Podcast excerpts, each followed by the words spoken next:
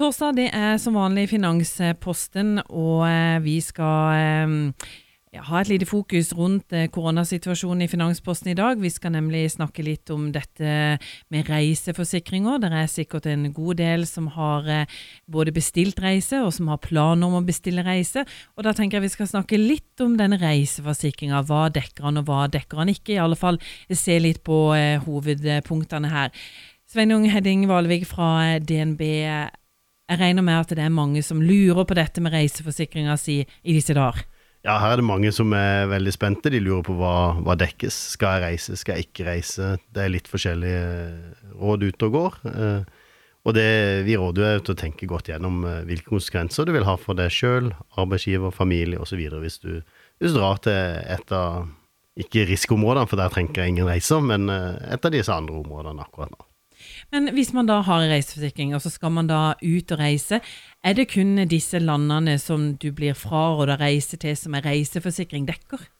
Ja, Reiseforsikring dekker i utgangspunktet eh, kun de eh, områdene som UD har satt på sin liste, og så er det veldig mange selskaper som også nå har tatt inn eh, der hvor Folkehelseinstituttet også fraråder å reise til. Men sånn som eh, seint i går kveld eller i natt, så kom jo denne beskjeden om at USA nå eh, på en måte stenger eh, for eh, personer til å komme inn i USA i en periode. Hva slags eh, konsekvenser får det? Ja, da tenker jeg det at eh, nå er det jo tidlig på morgenen fortsatt, så det var nok mange som satt i morgenkaffen som jobber i forsikringsselskaper i vrangstrupen og tenkte oi, nå blir det en hektisk morgen. Forsikringsselskapene vil jo nå naturligvis sette seg ned med en gang de kommer på jobb, se hvordan skal vi håndtere den situasjonen se litt hvor mange av disses kunder dette gjelder, og så komme informasjon utover eh, formiddagen i forhold til hvordan de som nå har tenkt seg en liten eh, tur over dammen, hvordan de skal håndtere dette. Men eh, vi er i mars måned. Det betyr at mange har begynt å tenke på sommer og sommerferie. Og det store spørsmålet er jo da skal man bestille eh, sommerferie? Altså Hvis du er veldig engstelig eh, for koronaviruset og tenker oi, eh, jeg vil ikke reise hvis det er utbrudd, så vil mitt råd være å avvente litt og bestille den utenlandsturen i år. Eh, det er jo mange av oss som er veldig glad for å reise til Italia, og det er jo et område som eh, for min del vil være helt utelukka bestilt nå, og vil jo ikke heller være dekka av reiseforsikring hvis det skulle skje, for vi er kjent med et stort utbrudd der på bestillingstidspunktet. Men for de da som bestilte reise før koronautbruddet, eh, er det på en måte fortsatt kun de stedene som er fraråda reise til, som blir dekka? Eh, det er det. PT så er det de stedene som eh, vil bli dekka reiseforsikring. Så da er det sitte i ro, se hva som skjer eh, når det nærmer seg. Og ha kanskje en plan i bakhodet for hva man kan gjøre hjemme hvis ikke det skulle bli noe. Men nå håper vi jo at de tiltakene som myndighetene treffer, som nå blir sterkere og sterkere, vil avhjelpe situasjonen. I Finansposten i dag så snakker vi litt om koronasituasjonen i forhold til dette med ute og reise. Hva dekker reiseforsikringa, bør man bestille sommerferie osv. osv. Eh, Sveinung Heding Valvik fra DNB. Eh, hvis det da er sånn at et flyselskap går konkurs, for eh, det kan jo godt skje i en situasjon eh, som dette, hva da? Da eh, er det rett og slett håpet at du har betalt med reiser med kredittkort. For da er det regler i eh, kredittkjøpsloven som kan eh, gi deg refusjon. For eh, sjansen til å få noe tilbake fra flyselskapet i Bodø, det er ganske minimalt. Så det generelle rådet som vi har snakka om før på Finansposten før sommeren, er bruk kredittkort når du bestiller ferie. Men eh, så hørte vi jo bl.a. hvis vi går lokalt, at Kilden i går eh, valgte å avlyse alt av konserter og arrangementer, og det er det nok mange andre som følger eh, også.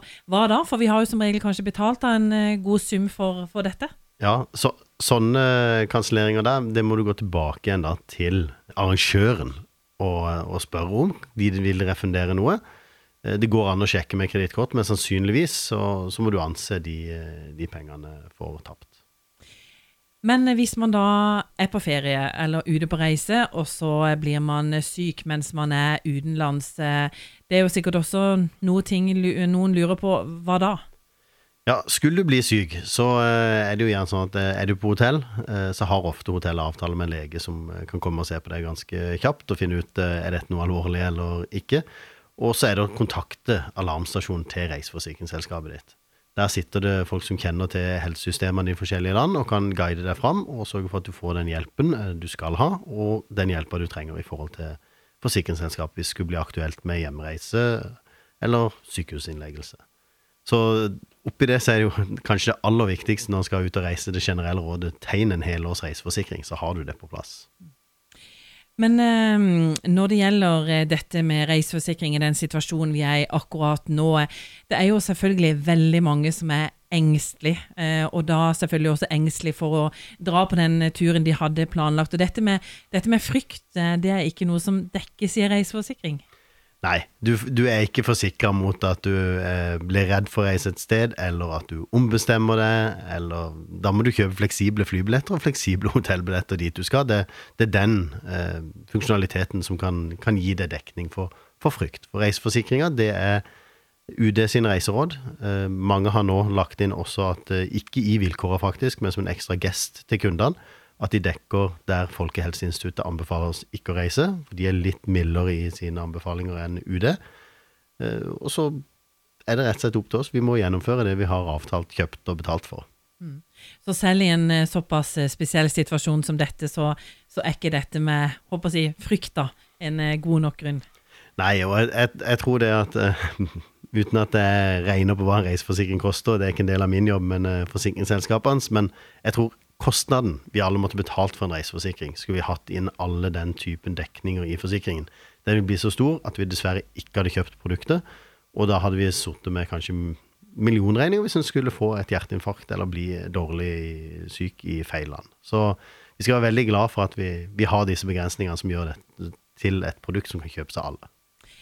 Og eh, hvis folk undrer på noe, så er det jo lurt da sikkert å ta kontakt med sitt eh, forsikringsselskap? Ja, da er det et veldig populært ord, Q&A, questions and answers. Det ligger på aller fleste selskapene. Jeg har ikke sett noen som ikke har det. Det ligger ute masse informasjon på nett. Les gjennom det, fordi at det er mange som også ringer selskapene. Mange som kanskje nå er på vei til USA, som lurer på hva, hva gjør jeg ikke sant? Så de, de, vil nok hive seg på telefonen i dag morges. Og, og da er det klart at les deg opp først. Det ligger masse god informasjon på nett.